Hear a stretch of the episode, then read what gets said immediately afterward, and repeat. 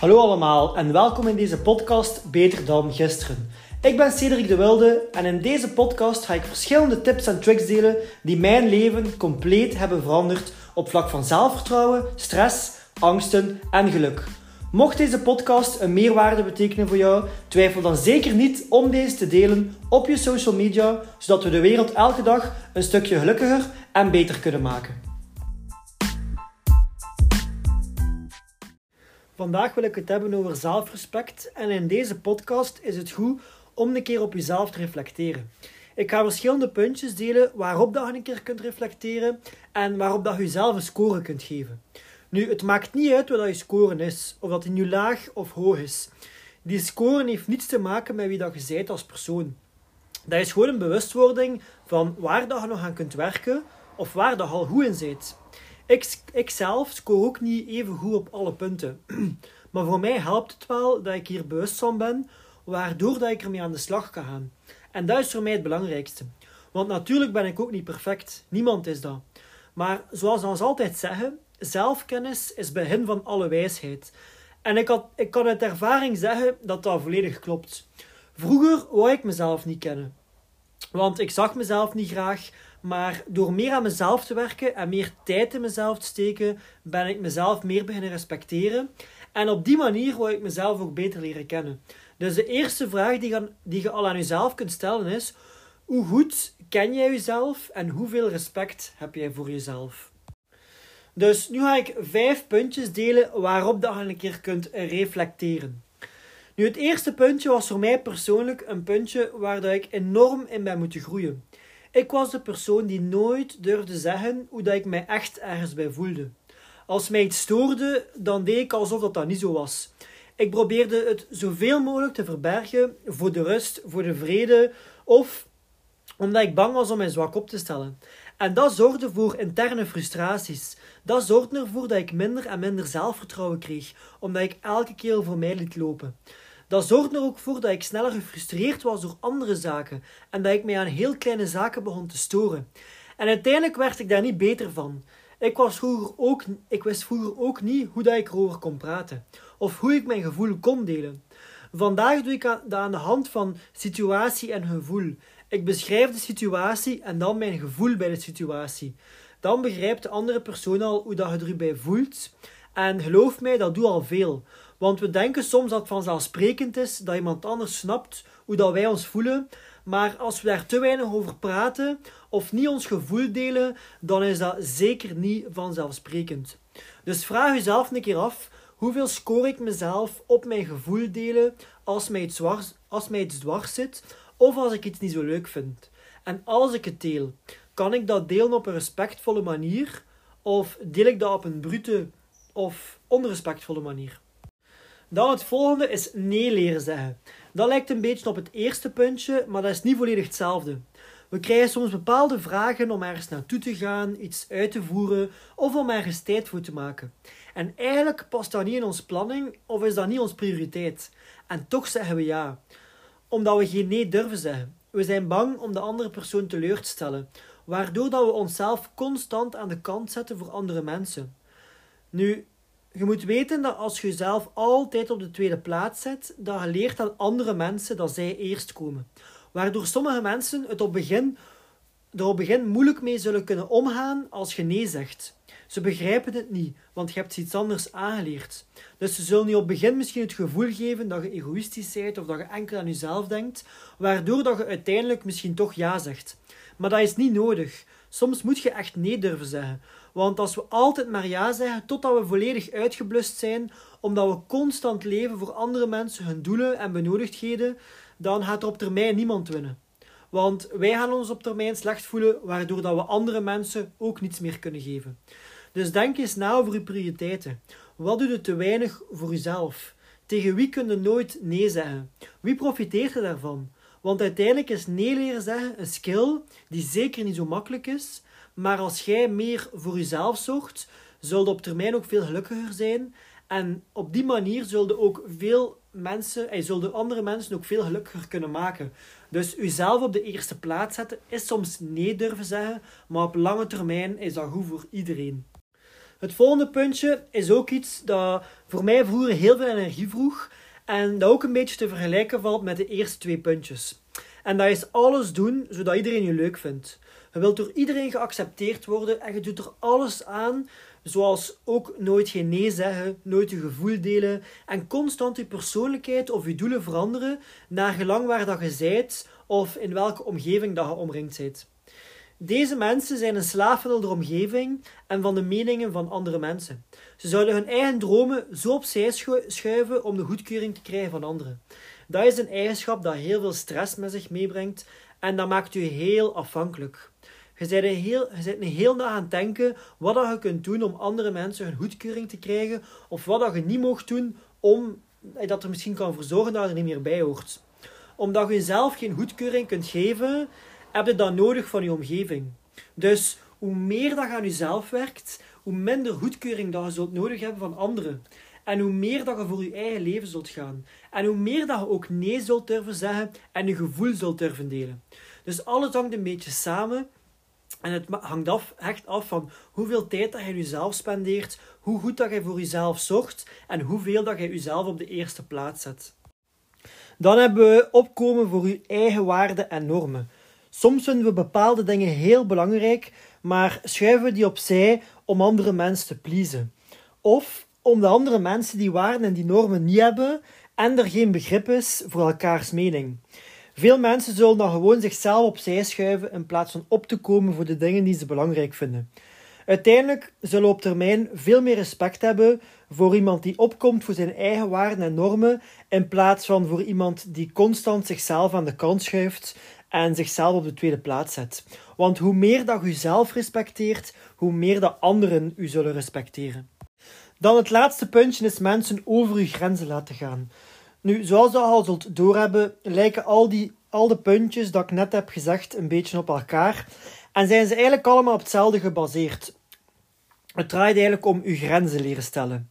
Dat is eigenlijk uzelf leren accepteren. Nu, uw grenzen durven stellen zal ook bij mensen duidelijk maken dat je ergens niet mee eens bent of dat je ergens niet dezelfde waarden en normen hebt. En dat je jezelf respecteert omdat je die grenzen stelt. En uiteindelijk kunnen mensen uw grenzen maar overschrijden als ze uw grenzen kennen. Dus dat is natuurlijk de eerste stap. Dat je uw grenzen aangeeft aan iemand. En dat doe je, zoals ik op het begin van de podcast zei, situatie en gevoel. gevoel. Nu, hier kunnen we ook nog een derde stap bij doen. Situatie, gevoel en vraag. Nu, ik zal een keer een voorbeeldje geven aan de hand. ik zal een keer een voorbeeldje geven om te weten hoe dat je je grenzen kunt stellen. Nu, stel je voor dat iemand elke keer als jij gaat gaan sporten, je demotiveert en er alles aan doet om te proberen zodat je thuis blijft. Stel je voor dat dat je partner is. Waardoor dat je elke keer jezelf moet verdedigen dat je toch wil gaan sporten en dat je dat eigenlijk niet leuk vindt dat die persoon dat doet. En dat kun je dan gaan doen aan de hand van drie stappen. Dus eerst beschrijf je de situatie.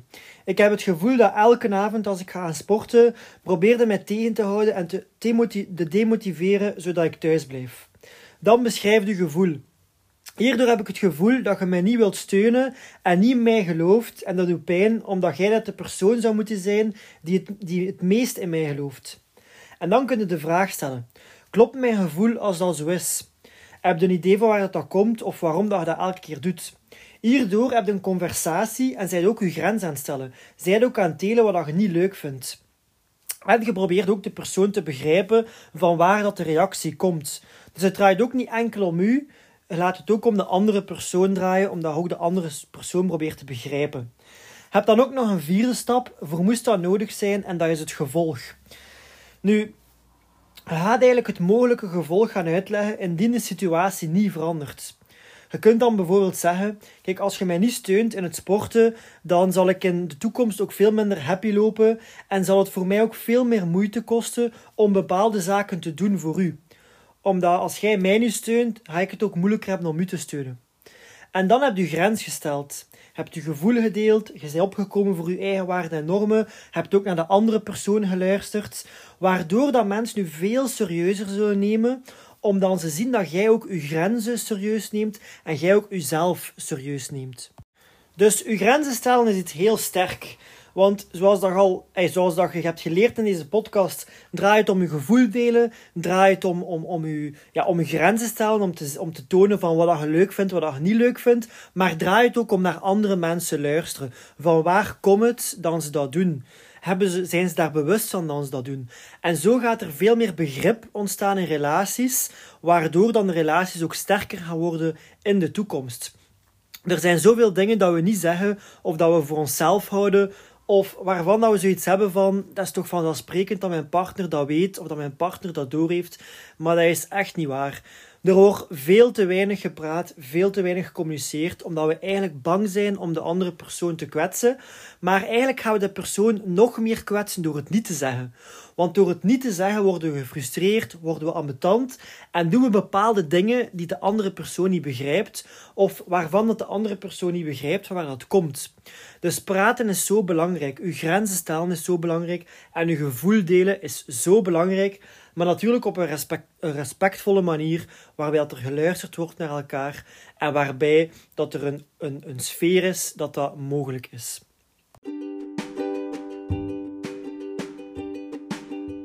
Oké, dat was de podcast voor vandaag. Hopelijk heeft deze podcast jullie warm gemaakt om na vandaag nog meer aan jezelf te werken, waardoor dat je binnen een jaar nog trotser zult zijn op jezelf.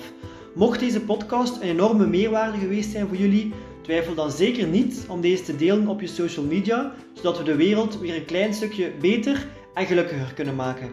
Bedankt om te luisteren en tot de volgende keer. We trekken aan wie dat we zijn. En ik geloof daar echt in. Nu, waarom, waarom geloof ik daarin? Omdat ik al veel persoonlijke voorbeelden heb meegemaakt en dat ik het al veel ook rondom mij heb gezien.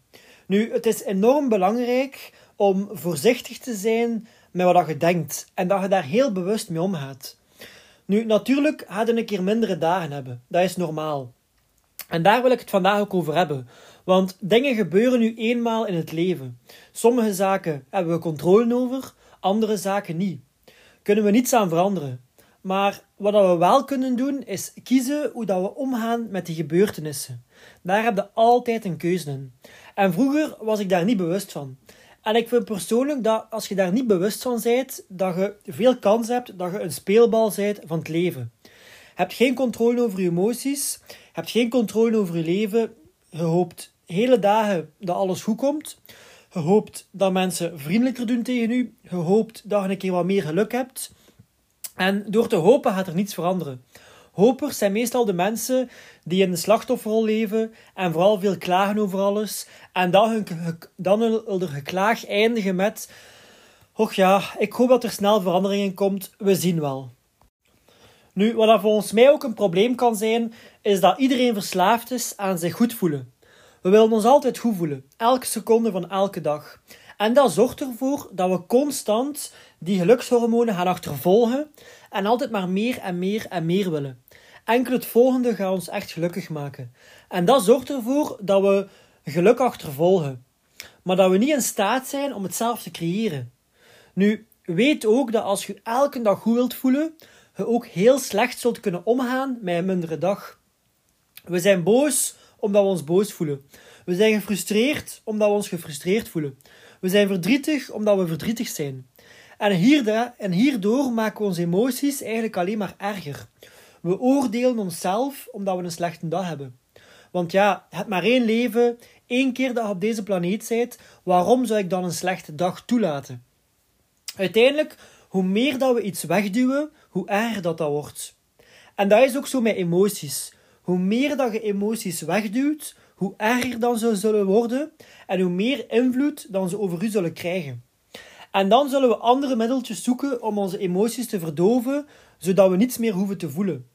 Hierdoor weten veel mensen niet meer wat dan ze eigenlijk echt voelen. Of hoe dan ze met, bepaalde, hoe dan ze met een bepaald gevoel kunnen omgaan. Omdat ze zichzelf altijd hebben aangeleerd om weg te lopen van elk gevoel dat niet leuk is. We trekken aan wie dat we zijn. Dat is iets waar ik echt in geloof. Nu, waarom geloof ik daarin? Omdat ik het zelf al persoonlijk veel heb meegemaakt en dat ik al heel veel voorbeelden rondom mij heb gezien. Het is enorm belangrijk om voorzichtig te zijn met wat je denkt en daar heel bewust mee om te gaan. Nu, natuurlijk gaat hij een keer mindere dagen hebben. Dat is normaal. En daar wil ik het vandaag ook over hebben. Want dingen gebeuren nu eenmaal in het leven. Sommige zaken hebben we controle over, andere zaken niet. Kunnen we niets aan veranderen. Maar wat we wel kunnen doen, is kiezen hoe dat we omgaan met die gebeurtenissen. Daar heb je altijd een keuze in. En vroeger was ik daar niet bewust van. En ik had dan het gevoel dat als ik daar niet bewust van was, dat ik een speelbal was van het leven. Ik had geen controle over mijn emoties. Ik had geen controle over mijn leven. Ik hoopte hele dagen dat alles goed kwam. Ik hoopte dat mensen vriendelijk waren tegen mij. Ik hoopte dat ik een keer wat meer geluk had. Ik hoopte dat ik een keer wat minder pijn had. Of ik hoopte dat er een keer iets ging veranderen. En daardoor leefde ik veel meer in de slachtofferrol en was ik eigenlijk constant aan het, geklagen, aan het klagen. En als ik klaar was met klagen, dan eindigde ik mijn zin met... Och ja, ik hoop dat er snel een keer veranderingen komt, maar ja, we zien wel. Hè.